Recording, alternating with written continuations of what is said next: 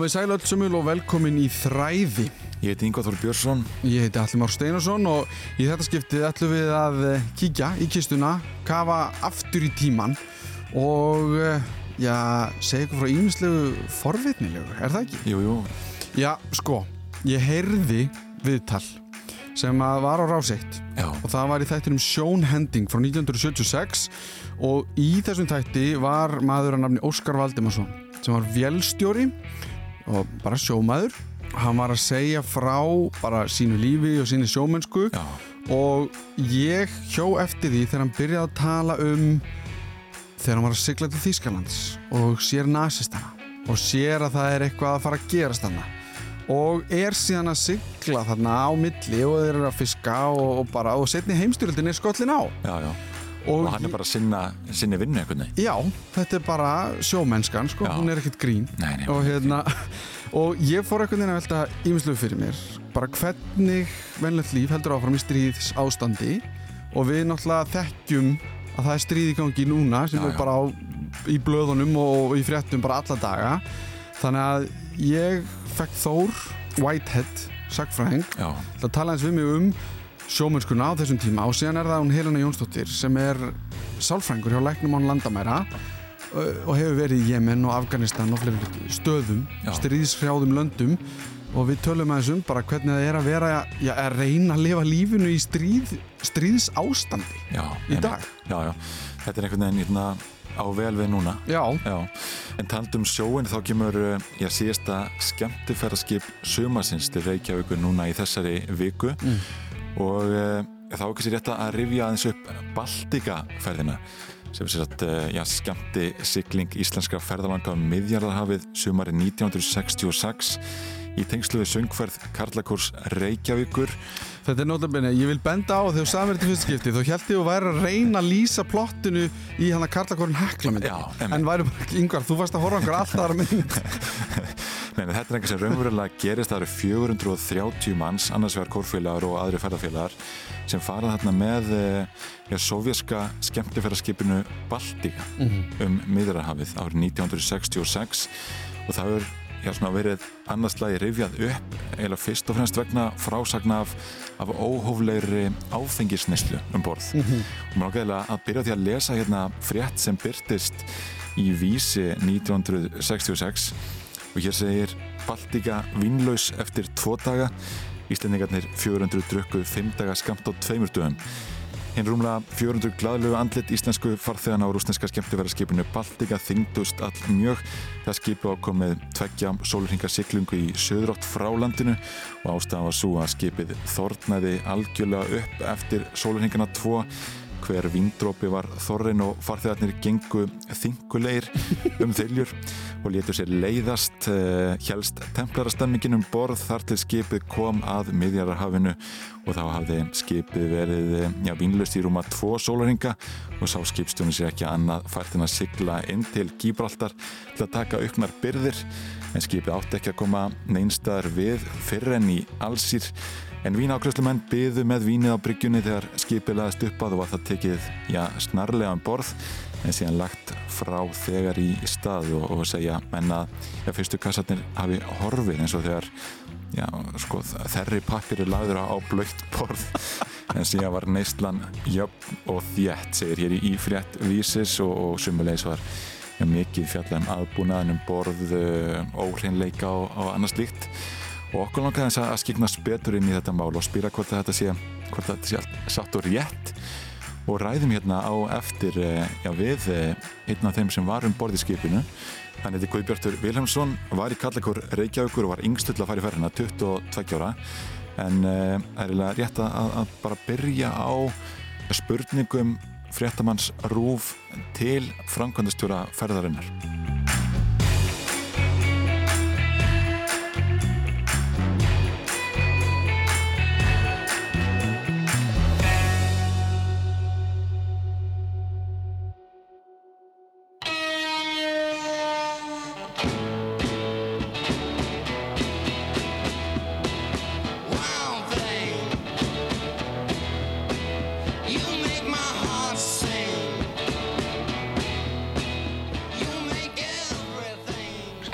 Skemmtiverðarskipið Baltica kom á ytri höfnina núna í nótt og fréttastofunni lék töluverð forvitni á að fregna af ferð Karlagós Reykjavíkur og hafði því tal af Ragnari Ingólfssoni, framkvæmdastjóra í dag. Hvernig gekk ferðin, Ragnar? Og ég myndi nú segja í stórum dráttum að hafa hann gengið mjög vel og farþegarnir sem voru 427 að tölu hafi verið allflestir mjög ánægði með ferðina. Að vísu komu stundum ymsi vannkantar fyrir en það lagast á fljótlega og var bætt upp. Það vakti talsverða kátínu hér í borg þegar það spurðist að vínþurð hefði orðið. Já, við eiginlega stiljum það nú ekki um borð í Baltika hvernig hvað allir þeirri gróðsögu en sannleikurinn er aftur á móti sá að, að það var nóg vín um borð allan tíman og við þurftum aldrei að endur nýja byrðirnar. Nei, en uh, það við þið gerðu þarna ferð til Gibraltar Nei, þangað komum við aldrei. Og hver var svo fyrsti viðkomustæður ykkar í áallininni? Það var óran í Allsýr og þar var stoppað að vísu stutt, part úr degi, bara til að lofa fartinum að hafa fast land undir fótum eftir fimm sólarhenga siglingu Já, viðræsig. og viðra sig á. Nú, þar næst heldur við til Svo fórum við til Möltu þarna í leiðinni og þar næst til Alessandríu í Egiptalandi. Þar var stoppað í tvo daga. og ferðir skipulagar kannski Ferðir stíplaðar alveg til Kaíró og um borgirna bæði Alessandríu og Kaíró. og mikið sungið allan tíman. Já, ég myndi nú segja að það hafi ekki verið mikið sungið þeirri ferð því að hittin var hvorki meira minni yfir 40 stig, var aldeilis óbærilegur og ég myndi nú segja að þjónusta Arabana hafi ekki verið upp á marga fiska heldur og Nei. það var heldur lélegt en þetta var tignæli sjón að sjá píramítana og allar þessar moskur þeirra og fleira og fleira. En uh, svo við tölum um þjónustu aftur. Það spurðist hingað heimað farþegar hefðu sitt að hverju að aðtuga við þjónustuna um borð og þryfnað skildist með hann líka. Þreifnaður um borði Baltika var mjög mikill og þjónusta mjög góð. Maturinn ágætur líka. Aftur á móti þá myndi ég segja að fólk til dæmis á lakari klassan á skipinu hafi kannski búist við betri aðbúnaði eða rimri öllu heldur en hvað þryfnað áhræri þá var hann upp á það besta sem ég hef séð. Skipið er kannski helst til lítið fyrir svona stóran hóp. Það má kannski segja svo að það hefði verið heldur margt fólk en þessu eru þeir vanir, rússarnir og nota það fyrir þennan farþega fjölda. Hvernig leið svo lífið um borð í skipinu á meðan að ferðinni stóð? Og það var margt til gamma stjert, svo við byrjum nú til dæmis á sjóveikinni, fyrstu tvo dagana, sem að hrjáði í marga. En svo kom nú blessu sólinn, fór að skína og allt var lingt og fallegt. Og þá var settur sjór í sundlauginu borðið skipinu og fólki tók við til við sólbað og sundiðkanir. Nú á kvöldin var dansað fyrir hljómlist sem rússarnir lögði té. Það var hljómsveit um borð sem sagt og spilaði hverju kvöldi, dansað. Það var reynd til hattrættistissinum af hálfu stipsins og uh, það var grímudansleikur og uh, það voru kvikmyndasýningar, bæði amerískar og rúsneskar filmursýndar og það var opið bókasafn. Uh, við vorum með millir 300 og 400 bindi frá borgarbókasafninu sem er lánað okkur í ferðina. Svo það hefur verið nóg að gera allan Já, það var nóg að gera allan tíman. Já, hann segir að það hefur verið nóg að gera en, en sko þetta passar ekki alveg við það sem að þú varst að leysa, að lesa upp hérna áðan úr vísi. Nei, þetta stemmir ekki. Ragnar leggur mikla áherslu á að þetta gengi mjög vel. Já. Talar um gróusögur, nóg vínum borð og ekki þurft að endur nýja byrðarnar. Þryfnaður er sá besti sem hann hefur séð, segir hann. En uh, þannig að það er kannski erfitt að sjá sko hvað er, hvað er rétt og hvað er rámt í öllu þessu ævintýri. Já. En ég sérst rætti þessa miklu ferð við Guðbjart Vilhelmsson í Karlakur Reykjavíkur sem fór með í ferðina. Hann var yngstur, 22 ára og fekk svör við þessum spurningum. og það var náttúrulega, við vorum allir voða spenntir að, að, hérna, að fara þó að þetta væri sumir átt erðað með að fá frí í vinnu náttúrulega svona langur tími og, og enn er áttu erfitt að öðrum ásökum eins og, eins og ja, til dæmis ég kona mín var með þyrkjum ára gaf barni, við erum með þyrkjum ára gammalt barn Já, já, já. Og það var, það var eh, svolítið sárt sérstaklega hjá henni að hérna með barni á brústi að hérna að komaði til ömmu og afa og það var svona ymstar áherslu þess að fólk hafði en allt, allir gátt og mætt held ég, að vera mjög fáið sem, sem ekki komust með. Nei. einhverju voru það samt. Og uh, nú uh, þeir fóru út Ragnar Ingólfsson og, og hérna og Guðni Sunnu og ekki einhverju fleiri stjórnunu fóru til Úslands og til að skoða skipið og, og ræða við þetta. Það skipið var nú mikið stætt í Englandi samt á þessum tíma, það var í ferðum einhvern veginn á millir Úslands og, og Bretlands ekki skemmtiferðar, uh, það var eitthvað, eitthvað annað. Já. Og það endaði þannig að þeir tóku skipið á leigu og svo er farið að, farið að auglýsa þetta til sölu fargjaldi með okkur sem sagt, ég ræfinn til að ferð sem var á þeim tíma. Var bara Gullfoss búin að vera í ferðum í milli landa og, og ekkert skip í hérna, þessum slóðum inn í miðarahafi og svartahafi og, og þar og nú svo bara hófst ferðin og hérna og um, bara geklum átti vel, allir vola glæður og höfða fín, mér náttúrulega æfðu náttúrulega á leiðinin líka sem sagt. Þannig að það var ekkert, það var ekkert svoleiðis fyllir í sem við gáttum leift okkur að hérna, við höfum að standa okkar pliktnáttar, við höfum að fara í söngferði og, og hérna, það er ekki líðin eitt sem heitir, heitir fyllir í. nei, en hvernig var lífið um borði í Baltíku? Lífið að bóla í Baltíku var bara ljómandi gott. Þetta var svona bara blandaði saman allt fólkið á öllum farrimum, þetta voru mörg farrimi, alveg í, eins og það var að segja það, hérna niður í neðstundi sjámáli og uh, það voru þarna skemmti kvöld og það voru, það var þarna sundlögur upp á, á þilfar og svona og þetta eru nálguðustu meira miðar að hefða og svona. Maturinn var uh, svolítið sérstakur fyrst með þetta venjastunum. Þeir reynda að hafa íslenskt, íslenskt manni í hangikjöld Já, sem þeir stektu í, stektu í olju og svolítið sérstakt að hérna en þetta var allavega maður var að vilja var að virða allavega það sem það reynda að gera eftir að koma og söðutanga mér skiljið þetta. Já, var þetta rúsnesk áhöfn? Já, Já, það var allt sem var rúsnest og mjög, mjög rest fólk. Já, það er mikið fjallað um óhóflega áfengisnistli í fjölmunum þessa tíma, voru þær sögur sannar?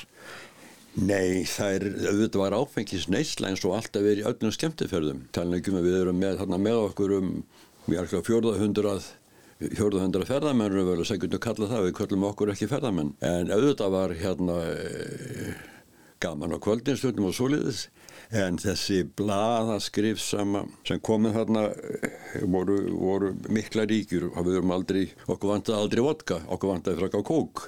Já, Já það, það var raunin þannig að, að það voru gósflöskunna sem kláriðist Já rússarnir þekkti ekki þennan síða að vera að drekka að blanda kók út í hennar eðaldrykk þeirra sem að, að vodki, þeir bara drukku stöpu og grýtti í veggin að yfirhörnum að sátti þeirra það sko Já, en, en nei, nei, þetta, þetta voru mikla ríkjur mikla ríkjur sem að, sem að hérna, maður kann hleyða eftir okkur fannst ekki gamla þegar við vorum að fá þessar fréttir nei.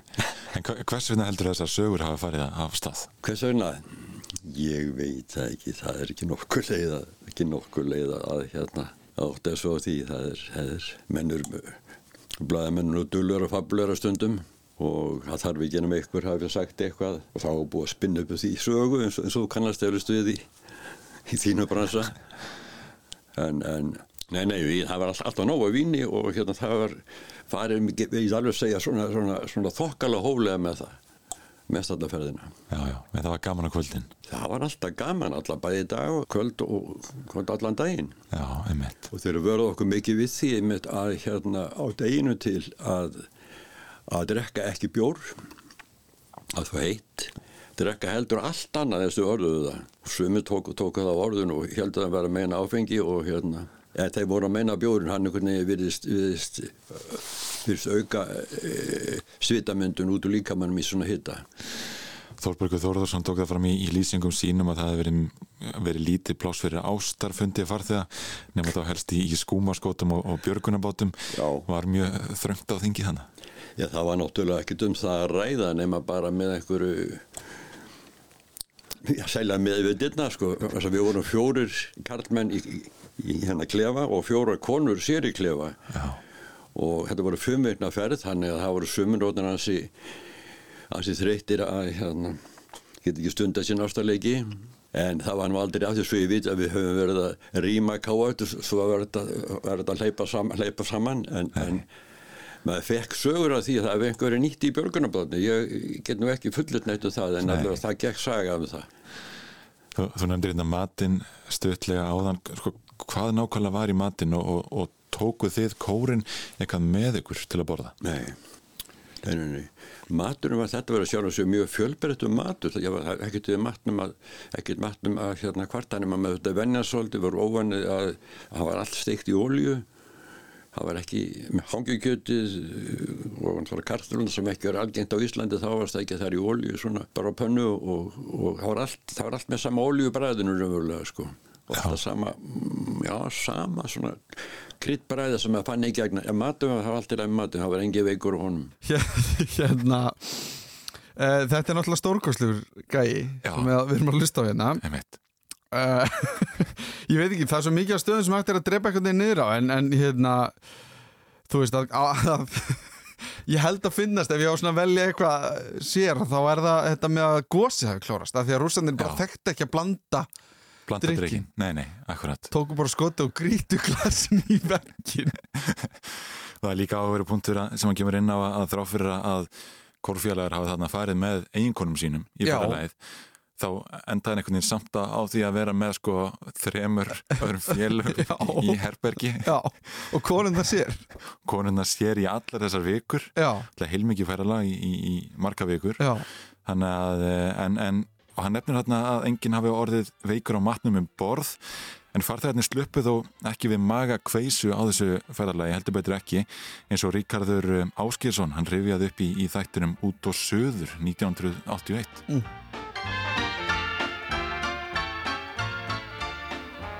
Næsti áfangastaður var Grekland. Hanna tiltekið Píriðus. En áður en ég skil nú alveg við Arabalöndi langar mig til að segja frá einum minjagrip sem við fórum með þaðan. E, án þess að borga fyrir hann. Og það var niðurgangurinn, eða magapín. Og það held ég að e, mjög fáir hafi sloppið við um borð. Alls konar ráð voru nú gefin og helsta og vinsalasta ráði var nú að drekka nógu mikið vodka. Ég held að flestir hafa nú reynt það og gafst nú svona bara sæmilega næsta fyrir.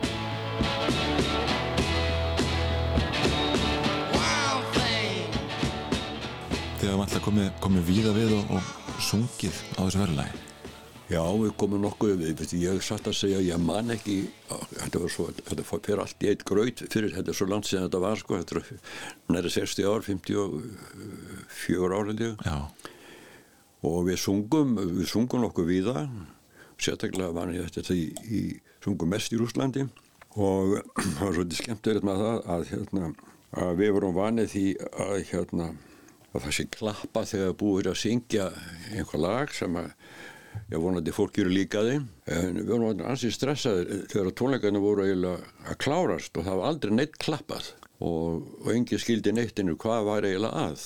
Svo er, svo er síðasta lagi sungið og hérna og allt búið.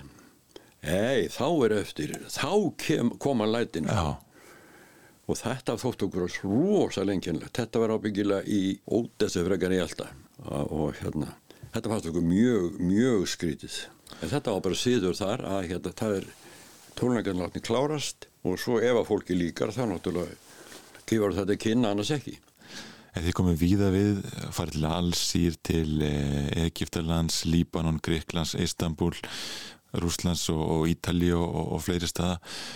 Hvað voruð það að gera? Við vorum bara, já, alveg bara í skoðanaferði, við vorum mikið í landi sko, vorum mikið í landi þessum borgum, við vorum að fara í, já, bara raunlega að skoða borgirnar og mannlífið og sumir að vesla, það sem, sem hafði áhuga á því. E, fólk var að kaupa allan fjáran, það er alveg rétt, bæði í vestlurum, sérstaklega í Beirut í Líbanon. Það var nú eins og bara í vestan á borg, allir ameríski bílarnir og allt það sko. En um, og Istanbul held ég að eitthvað verið vesla líka. Sjálfur kipti ég mér jakka í henda hef verið Istanbul fyrir hérna Beirut. Svona var bara einhverju, einhverju, einhverju, einhverju hérna. Antilópu skinni held ég, rúsar flottu fyrst okkur. Og ég var bara heppin að sleppa út úr borginu Rúslandi niður í skip í jakkanum. Það átti bara að taka, að taka jakkan að mér. Og eins með gallaböðsu á mönnum, að þeir vildi helst kaupa bara buksna sem það stóð í, sko. Og, og, og við lendum fórum spilavíti og kasíno og það var náttúrulega í Beirut þetta í Libanon og það var, það var hérna, það var vantað aldrei verkefni að gera á daginn, það var, meðan stundum splittu þessu bara í smá hópa og, og stundum, stundum voru allir saman. En það er stundum verið talað um það að eh, já, Íslendingar kunni ekki að, að skemmta sér og, og fara vel með vín og, og annað slíkt og þannig er allt í á 1500 manns komnir saman í, í, í skipinu og var ekkert vesen. Nei, það var ekkert í vesinn. Og, og, og ég man aldrei eftir neinum leiðindi sambandi við sambandi áfengisnestu hvorki á kormanu nýja hérna gestum. Ég man ekkert í því. Og ef það hefði komið eitthvað upp hjá kormanum þá hefði verið tekið á því bara á stundinu sko og, og hérna málið afgriðt, sem getur. Emmett. Það var ekki liðin eitt. Engin órægli hjá kormanum allavega nema, nema væri það mjög langt í tónleika. Þórbjörgur Þórðarsson eh, skrifaði líka um það að, Íslendingarnir hefur verið mjög verslana gladir, það sérst kift mikið í, í þessari ferð og síðan kom til þess að, að það þurfti að, að, að já, henda þessu leiðin heim. Já, það var nú bara þetta eina sem var hent náttúrulega, það var þessi, þessi, þessi uppstoppuðu, uppstoppuðu pullur og dýr sem einhver óværa var í sem við kæfti að keift í Búlgaríu held ég á höfninni, hafnabakkar með einhverju sölumönnum og fólk var rosalega ánætt með þetta og setti þetta um borð náttúrulega og svo eftir einhverja nokkara daga þá fór að kvikna í þessu einhverja pöttur óværa sem að varð, já, einum á mikið fólk reyði ekki við, eða, áhafnur reyði ekki við að hérna að drepa þessi kvikindi þannig að það endaði þannig að þetta var þessu voru hendi sjófin, safnaði saman búið tilfæri og svo var þessu grítið sjófin og, og sjórin blandaðist tárum þeirra sem söknuðast þeirra hluta sem þeirra hafði kipt þetta var nú ekki dýri hlutir, þetta var ekki dýrt okkar magli hver allavega en, en hérna þetta var gaman að þessu Það fjallaði það að, að, að kórin hefði sungið við þetta tilumni. Ég man nú ekki hvort voru sungnið útfara salmarinn. Það var kallað hvað Reykjavíkur sem stóð fyrir þessari ferð og mikið sungið mér finnst ekki ólíklegt að það hefði verið sungin einn útfara salmur eða gott ljóð að skilna því. ekki minnist ég þess, nei ég minnist þess nú ekki að það hefur verið. Það var reynda grín í þessu líka ég man ekki eftir, man ekki eftir að ég er að fara á sálmum sko. Nei, nei, nei. ég gerir það nú ekki. En, það eh, hefur verið skemmtilegt. Já, akkurat. það hefur verið skemmtilegt að gera það. En þú þarna, já, ungu maður, hvað stóð upp úr að þínu mati eftir þessa ferð? En Þetta er náttúrulega stóð upp úr það, ég hafði ekki á þeim tíma ferðað þessar slóðir áður neitt og all, allra síst á skipi og uh, já, það stóð eiginlega allt upp úr, maður, maður, maður sá ótrúlega hluti sem maður aldrei geta ímynda sér að maður mætti til að sjá, bæði Egyptalandi, píramítana og, og allt þetta dóttir í. Nú kannski eftirminnanlega sem svona eftir á sem ekki kannski skemmtilegt að það er í Rúslandi á þeim tíma í Rúslandi þá, þá fengum við ekki að fara frá borði nema skilja eftir allt sem hétt skarkripir og annars líkt það var bara skilja eftir máttum ekki taka það með frá borði.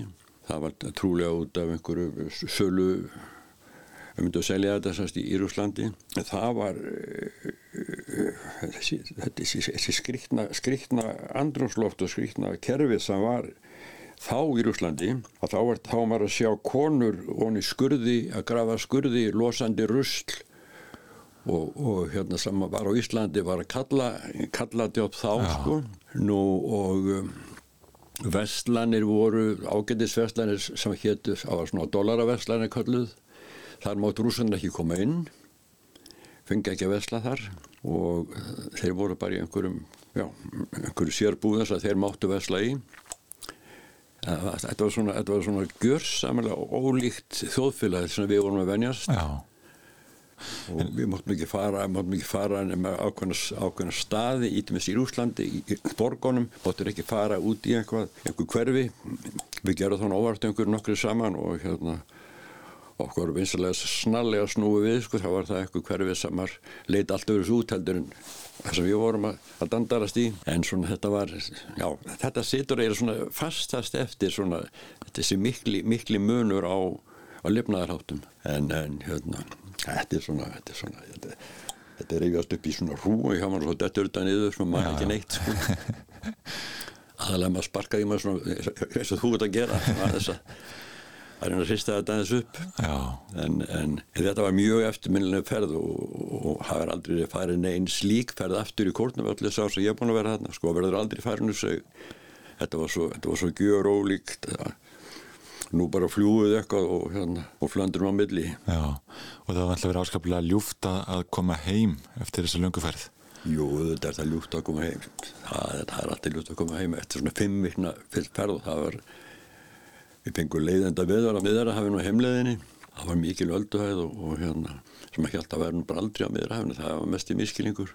En jú, jú, það var virkilega gott að koma heim og sérstaklega, sérstaklega náttúrulega fyrir okkur með lítið barn heima, það var náttúrulega spenningu hérna, hitta litla barn okkar, þó er ekki eina barni það sama. Þetta var, jú, jú, þetta var alltaf gott að koma heim. Eða þú las síðan eh, blöðin, eh, komið þér á óvart hvernig umfjöldunin hefði verið um, um þetta mikla ferralag? Nei, sjálfur svo kom hann mér ekki neitt óvart nema allavega ekki það sem er rétt að skrifa það en hérna þetta er náttúrulega þetta var brennivís ruggl í hérna blöðunum það hefur aðalega verið í, í dagblöðinu vísi þá fyrst allavega og hérna auðvitað komið okkur fleiri blöð með þá eftir þetta var náttúrulega bara um, lélega blöðamesska sem að en samt okkur fannst það leiðilegt að vera dæmdir sem einhverju helvitis fylliputur út í hafi. En þetta þetta bara, þetta bara grín eftir á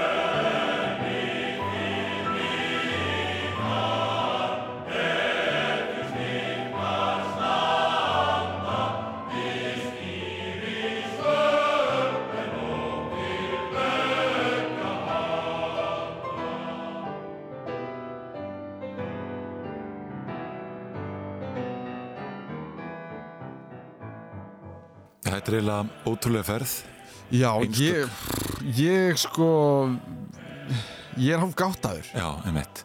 Mér finnst eiginlega skemmtilegast í mólinn í þessu eru þessi, þessi sko, þetta, voru til að mynda sko, uppstoppuð uh, dýr. Já, Uh, sem bara hendi sjóin Já, þetta voru svona úlvaldar og annað slíkt alltaf tveir metrar að hæð, ekki, ekki raunverulega úlvaldar heldur einhvers konar annað leður nýtt í þetta, en stór og mikil og síðan voru pullur og, og annað dót þá komum pöttur í þetta og þá þurfti að, að, að bara hendi sér hafið. Og sko, þetta eru fimm vikur. Já, og það er augljóslega einhvers konar fyllir í gangi hana þú veist, kannski ekki eins og vísir er að segja það sé. En það var allavega skemmtilegt Þetta er skemmtilegt og það Já. er bara og það er ekkert að því, auð, Nei, nei. auðvitað bara uh, en þú veist, það er kveisa. Já, það er magakveisa sem er í gangi hana það er einhver uppstoppuð dýr með einhverjum pöttum það er hann einhver sjógangur hann á miðjararhafinu á leðinni heim. Já, já, þú veist, þetta er svaðilfur já þetta Þetta er er rosalega langur tími Mjög langur tími og, og þannig sé eru tónleikarnir ekki, ekki margir Einmitt. Þannig að þetta er svona blanda af, af, af skemmtiferð, það er náttúrulega fullt af, af ferðafólki sem, sem hefur ekkert með hann að kóra að gera eins Nei, og nei. Þorbergur Þorvarsson Já. og, og fleiri en síðan er það kórfjölaðinni sem eru þá að syngja og að, að skemmta sér Mhm.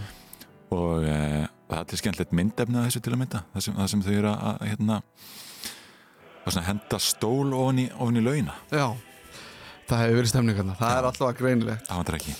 Herðu, en við ætlum aðeins að, uh, já, ef að segja venda hvað okkar í kross. Já, að akkurat. einhverju leiti. Já, já, Við ætlum að halda okkur við sjóin, já, en við ætlum kannski að fara frá skemmtisiklingum. Er það ekki, er ekki fínt að orða það þannig? Jú, ætlum að færa okkur frá skemmtifærastiklingum yfir í, í e, já, stríð, getur við sagt. Já, það er eiginlega bara mjög, uh, bara, það er mjög vel sagt, Ingvar. Sko, ég sagði henni í byrjun að uh, það er þáttur sem að kom út 1976 sem heitir Í sjónhending. Það er Sveit Sæmundsson sem sér um þessa þætti og er að tala við uh, mestnæmis, bara fólk sem er á sjó.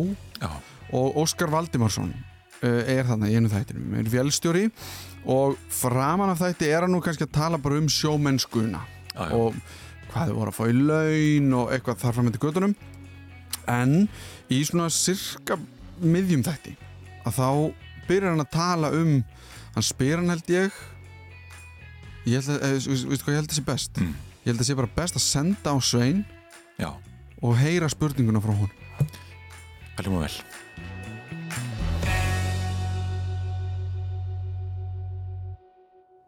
Hvernig mannst eftir nokkru sögulegu á þessu sjö ára tímabili sem varst þarna um borð? Ég það náttúrulega kemur nú alltaf eitthvað fyrir. Ég man þetta einu sinni við vorum yfirleitt á sumrin eh, við Östurlandi við fiskveðar og sigldum beint til Þýskarlands. Fórum þá gætna þrjá og fjóra og upp í fimm túra að þess að koma heim. Fengum allar okkar nöðsynir út í Þýskarlandi og fórum svo upp undir Östurlandi og fiskuðum þar út af. Ég man þetta einn túrin að þá voru þjóðverðarnir alveg hissa þegar við komum. Ég held að við ekki farin um að tæpir tól dagar í að fylla skipið alveg upp Og siglingarnar? og siglingarna með. Það sem stóði ekki á neinu nema höndum og þetta var raðað í hann, þetta var endum á stórufsi og það voru, það voru mörg handtök og, og ábyggilega vel unnið af þeim sem að það unnu sko, það voru náttúrulega hásetarnir. Já, þetta var ísað. Allt ísað, já, farið innan í hann og tekin lifurinn og brett og ísaður fiskurinn. Eh, Hvert komuðu aðalega í Þískalandi? Það var aðalega kúksafinn sem við sygldum á og Bremenhafinn á gæti staðir. Varstu nokkuð var við hörku og spennu í lífinu, þjóðlífinu vegna nazistana? Jú, það var nú ekki að fara fram hjá því. Það komu nú íms atvik fyrir svona sem að bentu nú svolítið hressilega til þess að þeir vildu, vildu láta svona vita hvað þeir gætu og svona. Þeir voru alltaf hressilegir og, og manni datt nú í hug í þá tíð að það væru fáir sem ekki voru nazistar þó að setna hafi nú orðið annað upp á tinningnum. Já. Menn hafa fyllt fóringjanum þar all flestir. Já, manni virtist það. En við kynntustum þeim nú eiginlega aldrei neitt að ráði. Það var ágætt að koma það, við stoppuðum þennan sólarring og þá var farið í land að kvöldinu til og, og skemmt sér. Þetta var mjög mikil skemmtana líf alltaf á þessum stöðum. Það voru svona smerri veitingahús sem var dansað og, og gjarnan kabarett síningar svona og mjög vel til þeirra vandað oft. Var mikið af mönnum í enginnisbúningum? Nei, ekki, ekkert mikið fyrir setni og síðust árin. Þá voru flestir í einhverjum, uh, einhverjum borða uh, eitthvað svona mertir frá og eiginlega allur fjöldinn í einhverjum svoleiðis fatnaði. En síðasti túrin sem við fórum til Þýskarnas, hann var svolítið, svolítið svona uh, öðruvísi heldur en áður var. Þá var Hannes Pálsson stífstjóra skipinu. Þá fórum við eh, með fullt skipið af fiski eins og vantir og fórum upp undir Líðandines í Noregi. Þá var stríði raunverulega skollið á, ég held að þetta verið í, í oktober mánuði 39 og svo fórum við þaðan í gegnum eh, inn undir Littlabeltisbrúna og fengum þar loðs og fórum þar í gegnum Dönskusundin allalið upp til Kílar, eh, upp í Kílaskurðin og þar þvert yfir, yfir til Elbin. Og þar var orðin mikil breyting á þá strax. Já. Þá var allt í helvítis eh, hernaðar anda. Já, þá hefur sem sagt darraða dansin verið byrjaður. Já, raunver, já mjög. Fóruðu til Kúksafinn þá? Þá fórum við til Kúksafinn. Ég man þetta í sérstaklega þegar við komum þangað í höfninu þá var prammi, stór prammi sem flautar í höfninni og það var verið á honum svona líklega 100 tundurdubl sem að beðu þess að vera lögð út þarna fyrir ötan því allt var krökt af því þar sko fyrir Já. ötan elbin. Já, þeir hafa ekki alltaf að láta breytana komast þar inn Nei. án þess að verða varri við það. Nei, nei, ég býst nú ekki við því heldur að þeir hefði farið mikið þar um því að Helgólandið og, og þar allt umkring þetta var ein púður tunna Já. að manni virtist. Og þá var orðið breytt ástandið í Hafnaborginni. Já, það var orðið helviti skuggalegt og lítið varði að koma ángað en þó fórum við nú í land og gerðum svona smá viðskipti eins og vantir en allt myrkrað og allt eh, svart. Svo fórum við sömuleið tilbaka, lendum í vittlusu veðri að komast yfir frá Skagins fýrbót, við fórum nú þangað. Og þá fréttum við af eh, óhöppum eh, á eh, einlega allt í kringum okkur. Og við sáum einu sinni þrjú tundutubl, vorum bara á millið þeirra. Á reki því að þetta rak allt saman úr kattigatinu inn í eistrasaltið. Það var bara eins og skæðadrífa þar inn.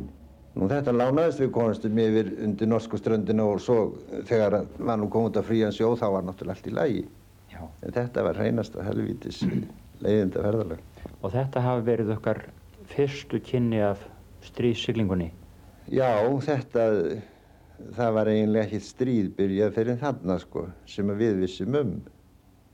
Nú var venjulegt að tógararnir tóku einhverjar vörur með heim. Uh, Var það nokkuð í þetta skipti? Nei, það var annað hjá breytanum sko, setna að þá fengum við nú alltaf okkar prófjant til skipsins til ákveðna, til ákveðins dagafjölda. En þarna letu þeir okkur hafa tíu punda eða hvort það var tíu kílóa dós af pulsum. Það var eini prófjanturinn sem við fengum. Ég sé hvort við fengum eitthvað af brauðum en það var ekki mikið. En svo hefur gengið vel eftir að þið komið upp með Noregi. Já, já, þá var allt í lagi þegar við bara vorum konur út á haf, sleftum þessum helvítis látum þarna upp við ströndina því að þar var allt eh, bandvittlust, vistist vera. Já. Varstu áfram á sama skipin, Óskar?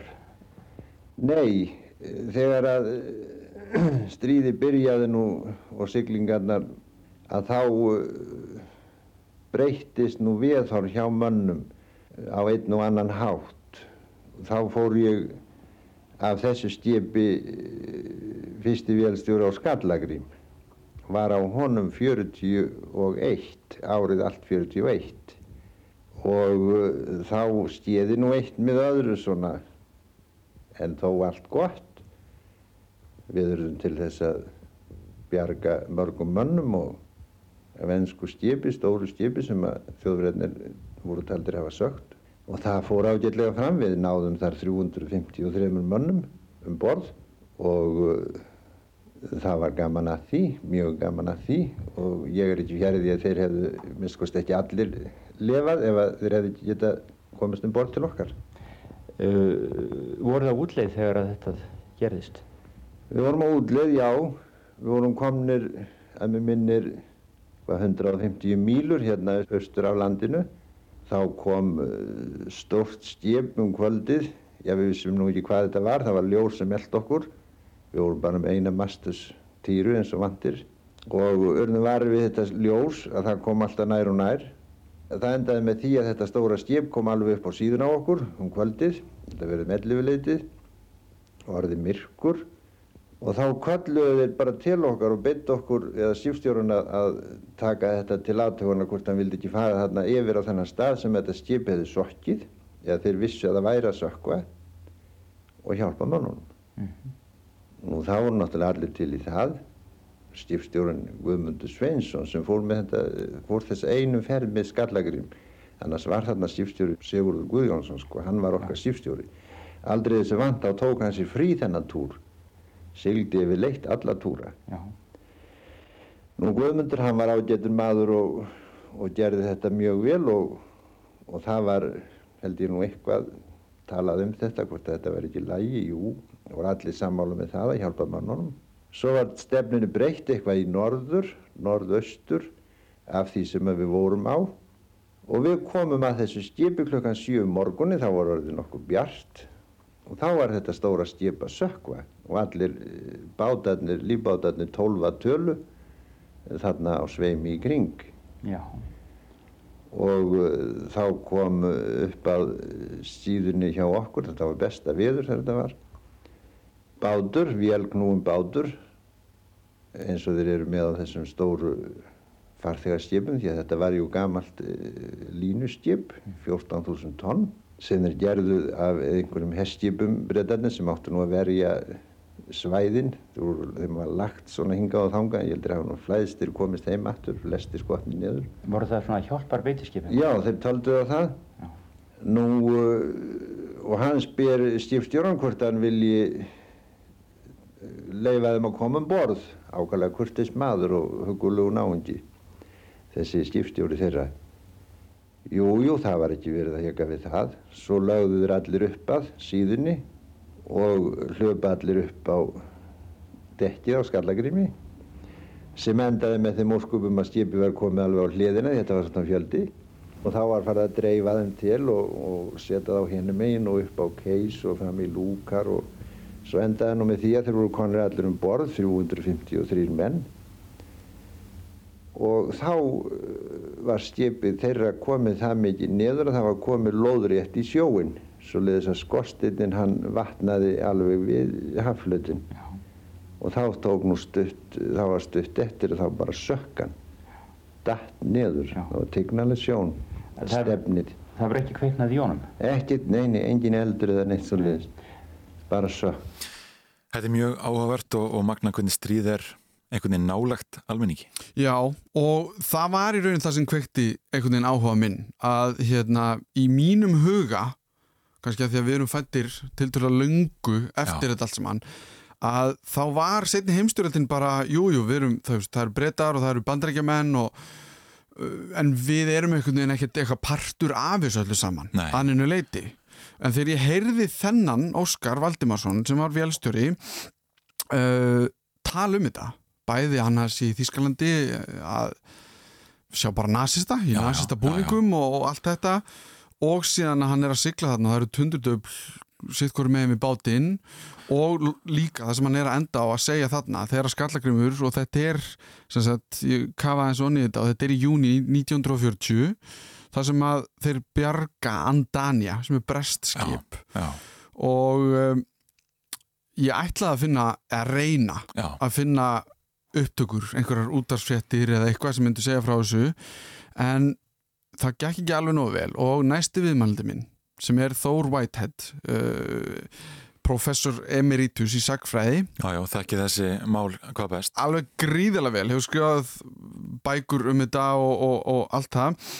Hann sagði mér raun af hverju það væri ekki nefnir upptökur á einhverjum lakkplötum einhver staðar, að þarna er stríðið bara byrjað og það er ekkert þú veist, það er bara, her, þú veist, þetta eru hernar leyndamál í raun, Já. það er ekkert verið að útvarpa bara, heyrðu það sökka eitthvað skip og einhverju íslendingar björguðu einhverjum og, og hvernig sem það er. upplýsingarna skipta öllu máli. Já, upplýsingarna skipta öllu máli og ég talaði síðan við hann um bara hvernig það var að vera einhvern veginn að reyna að lifa venjulegu lífi á Íslandi þegar setni heimstyrildin er í gangi og hvaða hlutverki í raun kom sér ljós mjög mikilvæga hlutverki þessi sjómenn spiluð Sko Ísland hafði eins og önnur Norðurlönd líst yfir hlutleysi í styrjöldinu og reynda líst yfir ævarandi hlutleysi þegar við fengum fullveldi frá dönum 1918.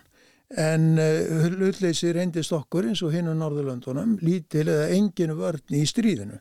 Þjóðverja líst yfir Happanni og Bretland og hótuð að sökka öllum fleitum sem að þanga sildu. Uh, Hjeldu uppi hörðum árásum á siglingaleiðir með kafbátum, flugvelum og tundutubla hernaði söktu hundruðum skipa og allir gífurlegu tjóni. Sjómenn okkar þurftu að sækja yfir þessa heljar slóð, vopplausir að kalla á sínum gamlu og riðguðu tógurum og lúnu vélbátum með ógnirnar undir sér og yfir sér og allt umkring eins og einn ágætur sjómannaritföfundur Ásker Jakobsson orðaði það eftir sína eigin reynslu af siglingunum. mm. En hættan hún endaði ekki með því að skipin næðu höfn í Bretlandi vegna þess að hafnir Bretlands lágundi mjög hörðum loftárásum þjóðverja. Þannig að það má segja að það sé kraftaverk að það skulle ekki hafa farist menn í þeim árásum því að stundum sprungu sprengjurnar allt í kringum skipin þar sem þau lágu Mm. í höfnum. Þannig að þetta er mikil saga og, og mikil reynsla fyrir þá sem að þá, þá tóku í þessu. og að því að ég svona, þegar ég hlustaði Óskar þá einhvern veginn rann upp fyrir mér að Ísland hætti ekkert að veist, það, það voru ekki allir bara heima hjá sér það, veist, ég meina við vorum þó land og fólk var að reyna að fara í vinnu eða fara í skóla eða að bara lifa hinnu eðlilega lífi eins og ef við setjum það innan gæslepa eðlilegt hann talar til dæmis um sko að því hann nefnir að hann er að fara til Þýskalands á einhverjum tímapunkti. Og þar sér hann nasistana og hann er svona átt að segja á því að heyru, það er einhver man ekki alveg nákvæmlega hvernig hann orðaði einhver djöfulgangur í, veist, að, að gerast. Mjög vel orðað. Já, en, en, en síðan alltaf hætta er að fara þangað. Hvað er það sko að því að þú nefndir að einhvern veginn tenging okkar við umheiminn og hvernig við erum að fá peninga inn í landið og, og hvernig þetta eðlilega líf getur einhvern veginn haldið áfram er allt í gegnum fiskin það er allt í gegnum það að Óskar og fleiri og þessir lúnu vélbátar eru alltaf að halda áfram að fara á sjó sækja fisk, selja fisk hvernig sem það er og oft bara út á sjó meira, meira eða minna er, það, er það bara, er þetta lífæðin sem myndast? Þetta er á rétt hjá þér, þetta er samkvæmlega lífæð þjóðarinnar. Mm -hmm. Sjómennir, þeir voru ekki aðeins í því auðvitað að, að eh, afla okkur tekna til þess að við getum kipt nöðsina veru til landsins heldur voru þeir líka flytja náttúrulega varningin heim Mm -hmm. og uh, hann nefnir þannig í byrjun að hann hafi silt túr á Þískalandi með sölutúr. Þetta eh, var þannig að breyta lístu yfir Happanni nákvæmlega á sama hátt og þjóðverjar af þessu leiti. Og happan er þá...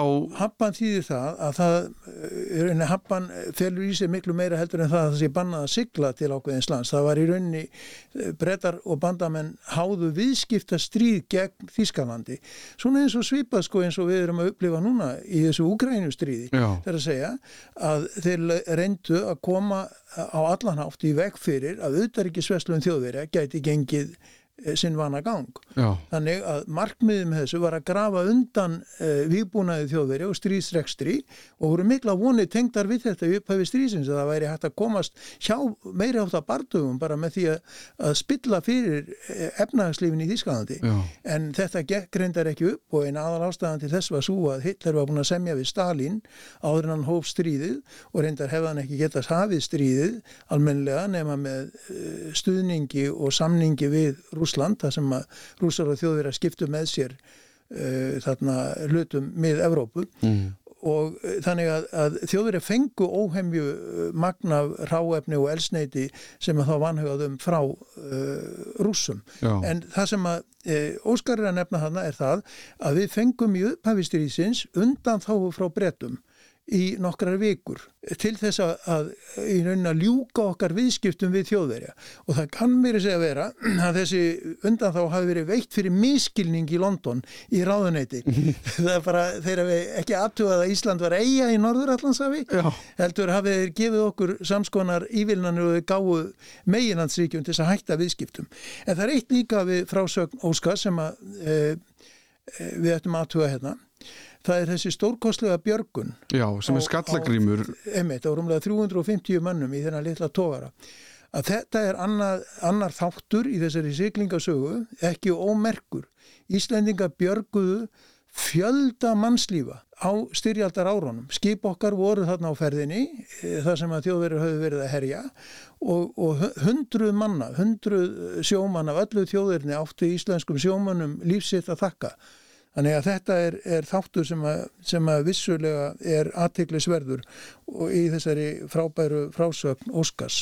Og, og sérstaklega sko nefnum að sko ég hjó eftir að þeir eru náttúrulega að bjarga þeim þeir eru bara fiskibót, þetta er ekki þetta er ekki varðskipið okkar eða eitthvað slíkt, þetta er ekki skip sem er í raun hæft til björgunar, þeir eru bara að hjálpa fólki. Þetta er tógari gamall tógari vegna þess að tógaraflóti Íslendinga, þeir áttu glæsilegasta tógaraflóta í Evrópu eftir fyrra stríð, mm. en vegna kreppunar uh, hafði þessi flóti drappa sniður Uh, útgerðafyrirtækina hafði ekki fér til þess að endur nýja flota en það voru kólriðguð skip yfir eitt og uh, það var auðvitað reynd að halda þeim við eftir, eftir því sem hægt var en þetta voru gömul og lúin skip og, og hugsa sér það að þetta litla skip þarna hafi bjargað öllum þessum fjölda manns. En þeir voru einmitt á leið fullaðnir af fiski til Englands þegar að þeir voru kallaðir þarna til, að, til bjargar. Og það er líka eitt sem að því að við nefnum sko hvað breytar að reyna að gera við þjóðverja þeir eru að reyna að svelta þá. En þá er líka mikilvægt að átt að segja á því hvað við erum að gera fyrir breyta þá. Þetta er ennið þátturinn sem er mjög mikilvægur í þessari sögu sem þú nefnir þarna. Fiskflutningur okkar til breyta voru fyrir þá mikilvægt framlag til fæðu öflunar í Breitlandi það sem var skortur sérstaklega áður en að bandaríkinn komi í stríðin og, og, og tóku að, að, að hjálpa þeim að öllu mætti að það var auðvitað ljósta að breytar þurft að flytja einn stóran hluta af öllum sínum matvælum. Þannig að, að þetta var eins og þeir lístu sjálfu breytarnir mjög, má segja, bara gott framlag til þeirra, þeirra fæðu öflunar á þessum, þessum tímum. Mm -hmm. Og að því við höfum verið að ræða sko, eða velta fyrir okkur daglegu lífi á Íslandi að bæðir vörur að koma þarna í, í gegnum þessa æð en sen líka kannski mikilvægt að hugsa til ok, við erum með íslenska sjómenn sem eru þarna sjó sem hefur örgulega verið bara ég veit ekki hvernig maður á orða það bara eitthvað ótrúlegt en líka hræðilegt á sama tíma. En síðan eru alltaf fjölskyldunar í landi og það eru allir aðstandendur og allt sem eru að sjá eftir kannski mönnunum aftur og aftur og aftur að fara út á sjó í aðstæður sem eru í raun bara stór hættulegar Emmitt, en einn þáttur mikilvægur sem að hefur að vissuleiti fallið í skuggan sko, í fyrsta lagi hvers vegna sildu sjómenninir? Þetta er náttúrulega ein spurning sem að ég spurði ótal menna þessari kynslu Mhm. og svari var alltaf það sama. Þeir sildu vegna þess að þeir voru sjómenn. Það var þeirra starf og hvort sem það var stríð eða friður, þá sildu þeir. Og hérna eh, þannig að, að þeir eiginlega þóldi ekki mikið talum hetjur hafsins eða þess áttar þeir bara vildu líta á þetta sem, sem hluta sínu starfi. En jafnframt auðvitað þurfum við að huga því hvað í þessu fólst. Að þessi menn voru að leggja lífsitt í hættu hvern dag sem að þeir sildu auðvitað, það, var, það var ekki svo. Við mögum ekki halda það heldur að allar ferðir hafi verið þannig að, að menn hafi að ógnin hafi blasað við. Þannig var þetta ekki. Mjög, flestar ferðir voru viðburða litlar eða viðburða snauðar þó að menn getur séðu þetta í missu ummerki strísins en hættan var alltaf yfirvofandi og bæði eh, niðri og uppi eins og ég segi. Þannig að, að, hérna, að þe- þessu fylgdu þetta gríðalegt álag á mennina. Tíðarandin var eins og þannig að menn rættu ekki um þetta þessa hluti. Það hefði ekki þótt eiginlega við hæfi að fara mikið að ræða það að, að, að, að þeir væru undir þessu álægi sjálfur og, og þeir hefðu forðast að, þeir forðuðust að bæði að ræðum það í landi og sína á milli. Að þetta máli var bara, það vissu allir um hættuna og menn ætluðu að taka henni og þá verðum við að gáða öðru sem er mjög mikilvægur líka eh, angi af þessu öllu saman. Það er það að sjómannslíf útheimti áhættu á Íslandi og að eh, auðvitað hér voru dæmi um það að, að að, að, að fjöldi manns hafði, hafði þetta farist í e, sjóslýsum á hverju ári dundu hér yfir ræðileg sjóslýs og jafnvel þó að, að tógarald væri hafinn og menn trúðu því í upphafi tógaraldar að tógara geti ekki farist. En það afsannaðist í svo kallu halaveðri 1925 þá fórust tveir tógarar og, og með þeim tæplega 70 manns. Þannig að bara í þessu eina veðru undan vestfjörðum fórust eh, næstu því jafnmargir menn og fórust. Helmingur af öllum þessum fórst í átökum styrjaldarinnar þannig að áhættan var þannig fyrir hendi. Menn sem hefur gert sjómenn þeir vissu það að þeir voru í mjög hættulugum starfa. En það kannski leiðir okkur líka inn í að það eru tveir tóra sem farast þarna en það er eitthvað sem ég áttaði mig ekki á. Já. er mannfall Íslendinga í setni heimstyrjöldinni hvað er mikið hlutfæslegt Já. já, já. helmingur af mannfalli hérna bandaríkjana Og hvað er þetta? Þú veist, eru, eru við með einhverju tölur Já, með þetta? ég er með töluna sko, þegar að litir á mannfalli það, er, það eru 149 manns, kallar og konur sem mistu lífið að stríðsvöldum á íslenskum og erlendum skipum Mhm. flest fólk í blóma lífsins eigin. Þetta var mikið blóttaka fyrir 130 manna þjóði, það er að segja 0,13% af heldarmannfjölda, en ef maður færi í sko árgangana sem þetta fólk fjall úr, þá auðvitað er hlutfallið mun herra sko, má segja af, af, af þessari ungu kynslu, Já, einmitt. alveg eins og í styrjíslöndunum og, og fyrir því náttúrulega finnur fólk mestu þetta, Mhm. því að hérna eins og allar hagtölur, þú veist, á bakvið það leynist einhver hérna, veruleiki sko, Já. sem kemur misjaflega niður síðan ef við tökum hérna, þessa, tökum tvo tóara sem fórust að líkjendum út af eins og ég segja út af skertri skertu jafnvægi Mm.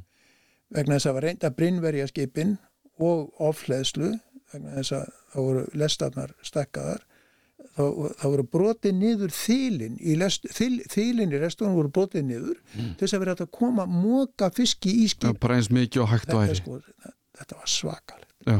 og lýsingarnar hjá honum áskeiri sko þegar hann var á, hann var á hafnaferðatógara og skipið þegar hann var í, í, í þungum sjó þá var eins og það væri að liðast í sundur sko það bara þeir fundu fyrir sko þú veist reyfingunni á skipinu sko innri, innri byggingunni Já. í skipinu.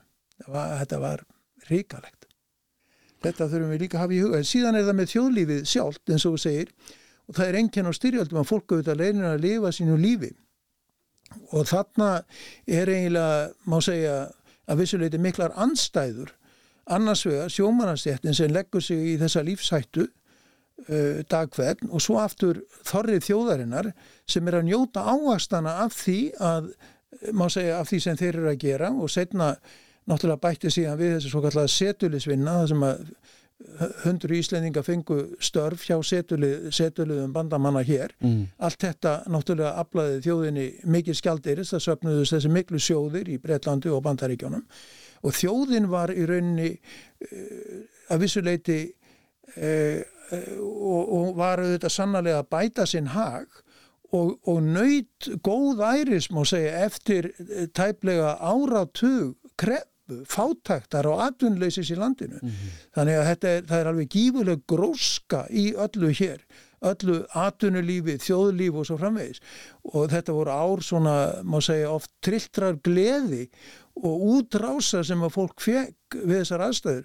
Auðvitað var líka spenna sem að myndaði setna meir þegar að loftárásar hætta til dæmis jógst hér og, og reykingingar sérstaklega og sem, sem er aðrir köstað að búa hér gáttu búist við loftárásum og þýskar flugvelar voru hér yfir daglega yfir Reykjavík og Kvalfyrði og, og mátti og loftvarnam ekki gefið og fólk þusti í loftvarnam byrgin Vit, vitaskuld fylgdi þessu líka spenna og, og menn fundu fyrir þessum lífsháska stríðsins. En í, í grundaðraturum voru stríðsárin veldi ár og uppgangsár fyrir allan almenning á Íslandi. Já, mér finnst þetta mjög merkilegt. Þetta var er mjög merkilegt, Þetta var já. Thor Whitehead sem veit held ég já, bara meira en mjög margir og mörg önnur um þetta allt saman, hann hefur skrifað um þetta einhverjar bækur sem að ég náði nú ekki að lesa en, en hann sagði mér reyndar að, að ef að fólk vil vita meira Já. þessar bækur eru held ég daldi ófáanlegar. Það er ófriður í aðsí, stríð fyrir höndum milli vonar og ótta sem fekk íslensku bókmyndavelun 1995 að það er verið að lesa þetta allt inn á Storytel.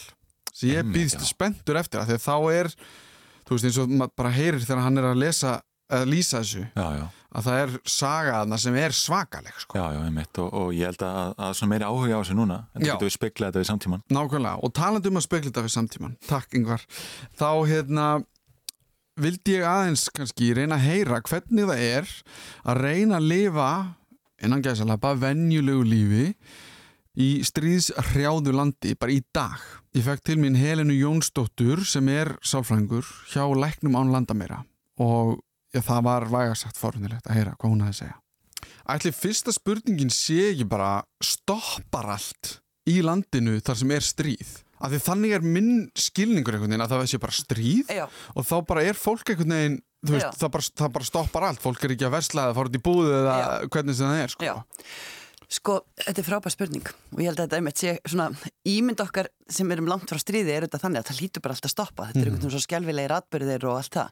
Og jújú, jú, það stoppar örglega í klukkutíma en lífið heldur þetta bara áfram. Og sko það er svo merkilegt. Nú ég verið á nokkrum stöðum það sem er stríð svona alvöru stríð með sprengingum og því en svona átaka svæðum hef ég verið nokkrum á og það bara, uh, lífið heldur áfram. Og það heldur áfram á allan þann fallega hátt sko sem að mögulegt er. Þú sérð börn sem að eru búin að búa sér til einhvern fótbolta úr einhverju drustlu þú veist, þú er að sparka honum einhverstur út á, Mhm. þú veist, út á velli þú veist, krakkar finna sér drullupöll og, og, og baða sér í honum. Konur fara hún á í matinn. Menn eru, þú veist, að fá sér te og, og hérna, og reykja saman einhverjar pípur og, og þú veist, lífið þetta bara heldur áfram. Mm. veist, við erum allstaðar eins. U- a, við þurfum að borða að sofa og, þú veist, ég meina börn fara í skóla og, og það eru ótrúlegustu sko uh, áskoranir auðvitað en að sjá bara börn í Jemen og foreldra þeirra búa sér til skóla úr engu Mhm. eða í flóttamannabúðum í Suðusútan þar sem að fólk er búið að vera í átján ára þá búið að klampra einhverjum skólum saman einhver staðar út í miðjum frumskói veist, já, ég veit ekki hvort að það er ímyndin sem við höfum en þannig er þetta, lífið heldur áfram Já. Já. Því einhvern veginn í hausnum á mér einmitt er þetta bara og þú hefur líst því bara svo þessi sagt að, að, að án þess að við förum endilega í það okkur núna Mhm. að þú hefur verið í Afganistan og þú nefndi Jemen Mhm. þú veist þetta eru staðir þar sem að ég meina ok, ef við tökum bara Afganistan sem við þekkjum Mhm. kannski betur eða hvernig sem það er þá líður okkur eins og bara að það hefur verið bara sprengt í tætlur þú veist, þá við sjáum myndir og það Já, já. einhvern veginn er allt í Já, rúst Sko, ég var í Afganistan árið 2015 Mm. og hvert einasta ár eru talibanar með það sem að þeir kalla Spring Offensive sem er svona vor áhlaupið á borgina og það er bara vitað að svona cirka 15. apríl að þá setja þeir út fréttatilkynningu sem nú ætlum við að ráðast inn í borgina. Mhm. og þá búa sér allir undir það. Og það tekur svona halvan dag þar sem að fólk er einhvern veginn sapna smá vistum og eitthvað svona. Og svo byrja þeir. Og svo heldur þetta áfram í einhvern einhver x daga, einhver x vikur og x mánuði stundum og, og afganski herin ver borgina með sínum ráðum. En það halda allir áfram að lifa á meðan og veist, það rignir sprengjum og það rignir hinn og þessu og það eru skotar og sér hér og þar en fólk fer ennþá út í búð og það er ennþá þarf að sinna sínum þörfum og það fer ennþá á spítala, það fer ennþá í heimsóknir það eru við haldin brúðkaup, það er Einmitt. þess að gerist alltaf sama tíma og það er svo merkilegt Er þetta þessi aðlögnarhæfni okkar að einhvern veginn, að því ég hef komið á okkur stað ekki eins og það, þú veist, Afganistan eitthvað, en bara komið einhver starf og hugsa, ó, þetta er ekki alveg eins og ég held þetta væri, eða orðið kvíðin hvernig get ég verið hér, en síðan eftir 1-2 daga að þá líður mér eins og þetta sé orðið smá heima og ég hlakka til að fara Já, aftur já. ef ég er einhver starf að er þetta bara partur af því? Ég held bara að, þú veist, manneskjan hefur bara ótrúlega aðlögunarhæfni. Ég meina, í COVID, hvað gerðum við? Þetta tók okkur nokkra dag og svo erum við bara komin í það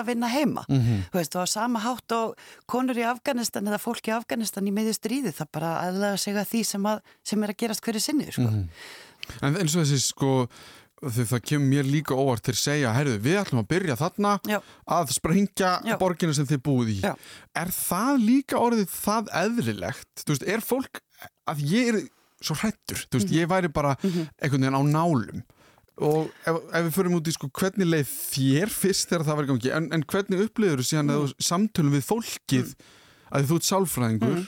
hvað Já, var já. fólk, hvernig voru áhyggjurnar eftir allan hennar tíma af þessu. Sko, þegar ég kom fyrst, þá var ekkert mikið stríði gangi, það er bara svona alltaf yfirvofandi og svo bara kemur þetta springoffensi frá, frá talibunum og það byrja bara sprengjunum að rigna í kringu borgina og það eru settur upp svona checkpoints og passa að þið komist ekki inn og eitthvað og jú, jú, fyrstu dagana var maður svona, þú veist, brápínlítið og maður vaknar við sko svona bænakallamotnana, svo koma sprengjurnar og svo kemur aftur bænakall og svo halda sprengjurnar áfram út daginn. Og fyrst er maður pínu stressaður og sefur kannski illa og svo bara sett ég eirnatapp og held að fara að sofa. Þú veist, og það er þetta það sem þau gera líka. Jújú, jú, það er kannski fyrstu dagana það er svona aðeins átt að sjá er þetta mikið ætlaði raunverulega að taka borgina? Svo heldur lífið bara áfram og ég meina þrem dögum eftir uh, þetta springoffensi fjá talibunum að þá gifti vinnu minn sinni í 4000 manna vestlu fjögur þúsund manna veislu? Giftingaveslur í Afganistan eru mjög hérna, það eru mjög stórar. ok, já, það, það er sem að þú býður öllum þeirra, þetta er opið hús. Ok, það er sapnað fyrir þessi mörg ára hann bara gifti sig og svo bara við held lífið áfram. Mhm. Þannig að við höfum þetta bara þörf fyrir alveg svo hér gerist hjá okkur í COVID við höfum bara þörf fyrir að láta lífi ganga á þeim fórsendum sem að, veist, við höfðum þá Mhm. og það gerist bara það sama veist, við, ef við getum ekki keift fótbalta þá fyrir við og finnum og, og búum eitthvað til og spörkum honum sko. Mhm. já, ef við ætlum að gifta okkur þá giftum við, og giftum við okkur þá að sé stríð þegar ég er á þessum stöðum þá er ég svolítið skemmtlan aðgang að fólki og svona daldið persónulega, þess að ég er sálfræðingur og ég á þannig tíma með þetta eh, fólki, kannski 40-50 mínútur í sálfræði tíma þar sem það opnar sig vel fyrir mér og, og hefur þetta aðgang að því. Fólk hefur oft spurt mig hvernig er þetta að vera sálfræðingur í með að þú veist ekkit um þetta fólk. Veit ég ekkit um þetta fólk? Við erum staðar eins.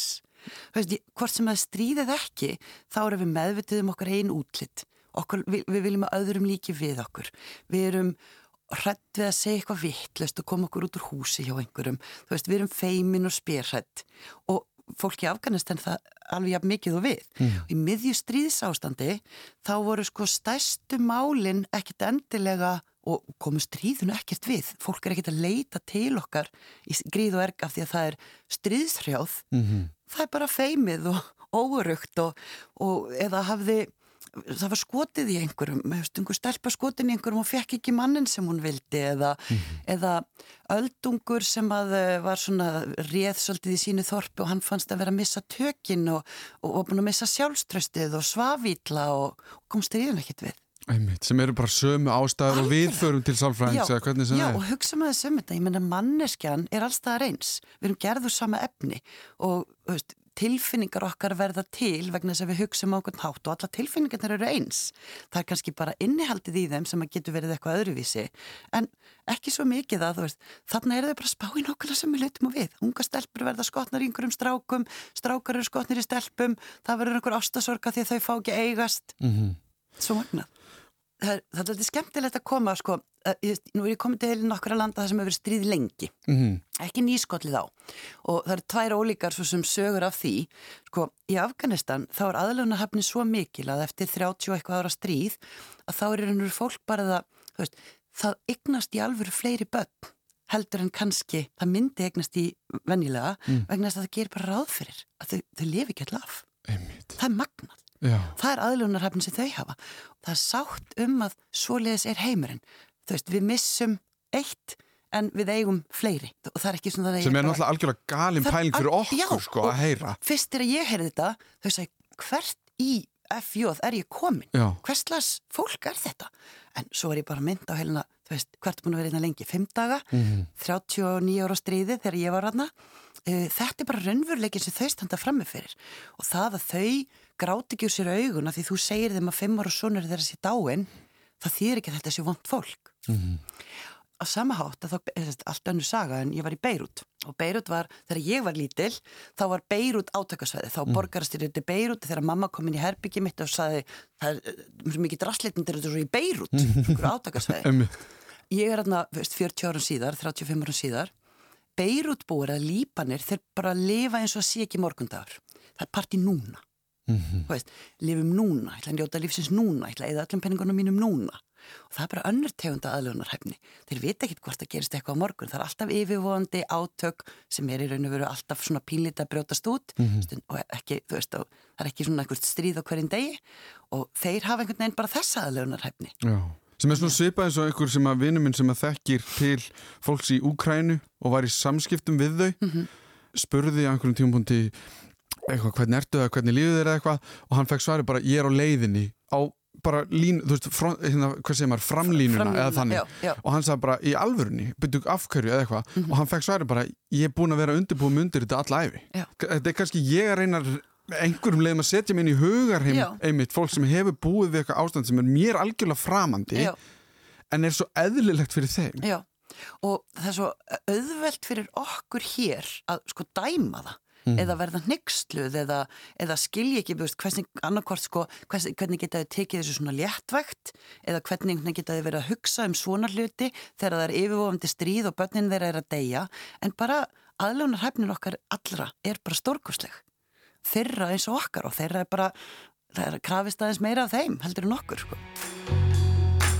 Þetta var hann Helena Jónsdóttir, sálfræðingur hjá Læknum án landamæra. Já, já, við komumst ekki lengra með þræði í dag. Höfum verið mikið á sjó. Já, já, það er rót að segja það. Já. Ferðumst um uh, Ég ferðumst um miðjararhafið með, með Baltíku Já, og síðan náttúrulega bara í gegnum einhvers konar bátsferðir og, sjómennsk í setni heimsturöldinni Já, einmitt, en við verum hérna aftur uh, næsta sunnudag klukkan 11 Já, það er hægt að hlusta á þáttin í spilarúf og öllum helstu hlaðvarpsveitum. Já, en við þakkum fyrir okkur í dag. Heyrumst